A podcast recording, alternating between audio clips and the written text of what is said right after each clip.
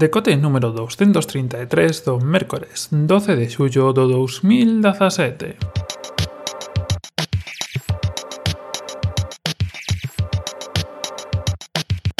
Bos días e benvidos a este novo decote Non estábamos mortos, estábamos de parranda E bueno, Volvemos, volvemos así un pouco daquela maneira, pero como vai ser agora, en verán, cambio de ubicación, estou outro sitio, e un pouco máis complexo gravar todos os días, por non teño tanto espacio, hai xente por aquí ao redor, hai ruido, hai esas cousas, entonces, bueno, o que intentaremos será facer máis vídeos, que por certo, eh, tedes na descripción toda a serie aínda lle queda un capitulín que é o final e recopilatorio do que foi por Nova York, que tal? Podes decirme se vos gustou, se non, un mogollón de cousas por mellorar, igual que neste podcast e que na maioría de, de cousas que fago, aquí ninguén nace sabido e eu moitísimo menos que o resto. E, eh, como os digo, vai a haber así programas esporádicos, podcast esporádicos, vídeos tamén quero traer esporádicos. Este sábado, por exemplo, iremos ás covas do Rei Cintolo, Eh, en Mondoñedo, que sabes que son unhas covas que se abren só previa reserva e, bueno, temos contactos ali e, e entramos de sábado. Intentarei levar a cámara, intentarei gravar algo e traérvolo. Pero bueno, primeiro acabar todo o tema de Nova York, que me queda un vídeo, un recuperatorio, falar un pouco de, de datos e cifras de todo o que vimos e o último día, que tampouco está editado. E logo pois abrirían as covas do rei Cintolo se me dá tempo e podo e se ve, porque non sei moi ben. Sei que son algo estreitiñas e quero ver exactamente se pode gravar. Eu levo a cámara, gravarei e logo pois si podo monto algo con todo o que se vexa. Dito isto, hoxe imos falar un pouco de algo un pouco persoal, non é personal, pero é unha cosa que está rondando así pola familia últimamente que o Tesla Model 3. A ver, non está rondando pola familia, pero eh, na miña casa somos de utilizar moito coche. Bo, digo somos, pero realmente miña nai. Miña nai fai como mínimo 200 km co coche todos os días. Como, digo como mínimo porque normalmente son máis, eh, xa que ten que desplazarse de Lugo a Coruña a traballar todos os días, entón 100 km ir, 100 km volver. E iso evidentemente pues, ten un desgaste bastante grande de coche. Ademais eso, pois, como mañana nai pois, pasa moito tempo fora de casa, temos outro coche, e, por tanto, sempre hai dous coches e un utilizase moito. E de vez en cando dase o momento de cambiar de coche. Levamos un tempiño así, ou levan máis ben, porque non vou mercar, non mercar eles en todo caso, plantexándose novas opcións e coa saída do, do Tesla, do novo Tesla, do Model 3, que, bueno, realmente sai, digamos, oficialmente o 28 deste mes, Si non me equivoco, 28-26, aínda que o primeiro de produción xa saiu un coche co que vai quedar o propio Elon Musk, xa conocedes Elon Musk, de Paypal, de SpaceX, o, o Elon Musk, o mismísimo Elon Musk, e el será con, quen quede con este primeiro modelo, pero veñen moitos detrás. Ahora mismo Tesla ten tres modelos, contando con este, ten o Model S, que eh, non é para nada barato, empezan 83.000 euros, ainda que si desa página de Tesla veredes que os modelos que teñen non baixan de 100.000, o Model X, que tamén por aí andan, cento e algo mil, e que son pois, dous coches, o Model X ten sete plazas, o Model S ten cinco, e sinceramente o que máis se ve por Nova York, debo dicir. Vin pois, cinco, seis, sete, sete Model S. Model X non vin ningún, por exemplo, é un coche un pouco máis alto, ten as portas que abren deste estilo gaviota, E o que sai agora, o que anda rondando aquí pola casa, é o Model 3, que é o utilitario que acaba de sair, en que, en que realmente, pues, si pides un agora, que podes facelo, podes reservalo, tens que bañar 1000 euros, e eso reserva cho, reserva cho coche.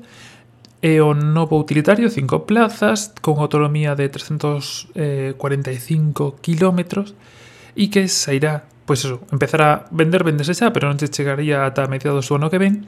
e son 35.000 dólares, eh, que logo, pues quedará un pouco menos porque xa sabedes que hai axudas, subvencións e bastantes cousiñas, sobre todo pues, coches que son completamente eléctricos, así que, bueno, si de partida son 35.000, pues pode quedar en 30.000, 20, 20 algo mil, que está moi ben, quero decir. Evidentemente non é o coche máis para todo o mundo, pero tendo en conta todo este tipo de, de cousas, está moi ben. Como os decía, 345 kilómetros de autonomía. Esto, pues evidentemente para nós que estamos pensando que polo menos faga 200 km todos os días, logo queda pola noite e, e aguanta. Cousiñas que preocuparon na casa, por si a vos tamén vos interesa, porque este episodio un pouco todo pensando en alto, que preocupan na casa. Por exemplo, que pasa se si a batería se fastidia? Porque evidentemente a batería é a parte máis cara do coche, se non me equivoco, ao principio, cando se o Model S, era a mitade do precio. E estimaban que eran como 42.000 ou unha cousa así. E estimaban que para en 10 anos desde que saiu, o sea, para 2022, 2023, este quedase este, este prezo quedase reducido a 12.000 euros. Por que isto? Pois evidentemente cantos máis fabricantes se veñen a fabricar baterías, pois hai maior competencia, baixan os costes, ademais o tema de costes de escala, cantas máis baterías faes, máis barato é producilas, e pretendían que fose eso. De todas formas, eh, os, os, Tesla teñen 8 anos de garantía en todos os en todos os componentes, polo que, por exemplo, se si mercásemos un ano que ven ata 2026 non sería cando se acabaría a batería e se tivésemos moi mala sorte ou tiveran moi mala sorte que o mercase o ano que ven pois sería un prezo moito menor, tampouco tan descabellado. Bueno, dependendo do uso que lle dé cada familia, evidentemente, eh, ter que, que poñer 10.000 euros no coche, pois 10 anos despois, 12 anos despois de, de mercalo, tampouco é tan terrible. Bueno, eh, como digo, sempre depende de, de para qué. Para miña nai, por exemplo, que lle dá tanto uso, non. Ademais, as baterías tamén tedes que ter en conta, porque estuvimos aí informando duramente, de que eh, teñen un desgaste normal dun 8% o primeiro ano, é dicir, un 8% menos dos 345 km o primeiro ano e entre un e un 3% os seguintes anos. O sea que tamén cálculos que hai que facer de se si sigue estando por riba do, do que te gustaría. Moi interesante sobre todo da batería porque evidentemente é o, é o que máis preocupa agora, é algo que descoñecemos onde, eh, onde cargala, que falaremos agora e todo o tema de, de donde de canto dura, de se hai que cambiala, porque realmente, claro, é a parte máis cara do coche. Donde cargala? Bueno, os coches per se, porque tamén estivemos mirando, traen un cargador para enchufar a corriente normal, é dicir, calquera enchufe. Pero evidentemente eso vai un pouco lento. Entonces, que ter en conta pois que estos coches teñen entre 75, a versión máis básica dos actuales, ata 100 kilovatios de, de batería. E tens que ter en conta que unha toma normal creo que anda entre os 5 e os 7 kilovatios hora. Pues, eh, así que pensa de todas as horas que levaría cargalo. Evidentemente, Tesla ofrece, ademais de ademais destos cargadores, ofrece o seu cargador de parede para que fai falta unha conexión trifásica e todo este tipo de cousas que costa o cargador en sí entre 560 e 630 euros máis despois a instalación. Eles evidentemente recomendache un, un, un axente para que cho instale, a mellor opción e bueno, todo, todas esas cousas que hai que sumarlo evidentemente a, a o precio total do coche. Logo, máis cousiñas. Eh, cargar un coche por completo, polo menos de xente que estivemos escutando agora con, con Tesla Model S, son sobre 6 euros, a comparar cos 40, 50 que pode ser cargar un coche de, de gasolina. E un pouco así están as cousas a mismo por aquí. Unha das cousas que me preocupa a min, aparte de todo isto, quero dicir, vale, non hai problema coa batería, por se fastidia cambian xa eles. E máis ou menos tes onde cargar o coche en todos os lados, que bueno, supoño que hai garaxes máis complicados para instalar e garaxes menos complicados. Sobre todo aquí que non cada un non ten unha casa, pero bueno, por exemplo, no noso, no noso caso, temos cerca do, do Trasteiro, Rocho Paus de Lugo, unha temos cerca a praza de aparcamento do Trasteiro. Por lo tanto, pois pues, poderíase eh, pasar a facer unha toma de corriente desde aí. Pero claro, para que non teña tan doado, pois pues, non sei como son os tratos como comunidade para poder instalalo e todo ese tipo de cousas. Pero realmente, visto todo isto, o que máis me preocupa a min con, con todo sería o tema do, do soporte, do, de que ahora mesmo en España, bueno, hai dúas cousas que me preocuparían. Unha, o tema de da garantía e do garaxe e de donde levalo en caso de que se estropee, porque evidentemente ainda que cubra a garantía hai que levalo e que, que agora mesmo en España só hai un concesionario oficial, se non me equivoco, en Madrid e van a abrir agora outro en Marbella ou agora en Marbella hai un punto de venta destos especiais pero non hai outro sitio entonces, se se estropea Test que le va a la Madrid, 25 de Madrid a por él. Eso sí que me parece un, un poco follón, sobre todo. Bueno, puede ser cualquier cosa o puede ser. pode salir eh, mal y tener que elevar bastante. Y una de las cosas que, que, me fastidiaría o que entiendo que puede ser bastante follón. Y la segunda son los puntos de carga. En Galicia hay muy pouquiños puntos de carga. Eh, creo que hay varios sitios en internet donde, onde pon. Por exemplo, se si vas a facer unha viaxe, pois, eh, Lugo-Madrid, que sería o caso, ou Coruña-Madrid, hai solo un punto de carga en toda Viaxe. Se ben é certo que pois cada vez máis hoteles e incluso concesionarios teñen puntos de carga. Creo que agora a BMW, co tema de que ten eléctricos puros e algunha, algunha empresa máis, algún concesionario máis, pois os ten instalados. entonces aí non habría tanto problema. E, e se miras me o mapa, pois parece que a finales deste ano empezan a instalar e a sair cada máis máis supercargadores, porque realmente, de novo, o supercargador é o que che pode cargar máis rápido, mentras que os outros pues tarda o seu tempiño.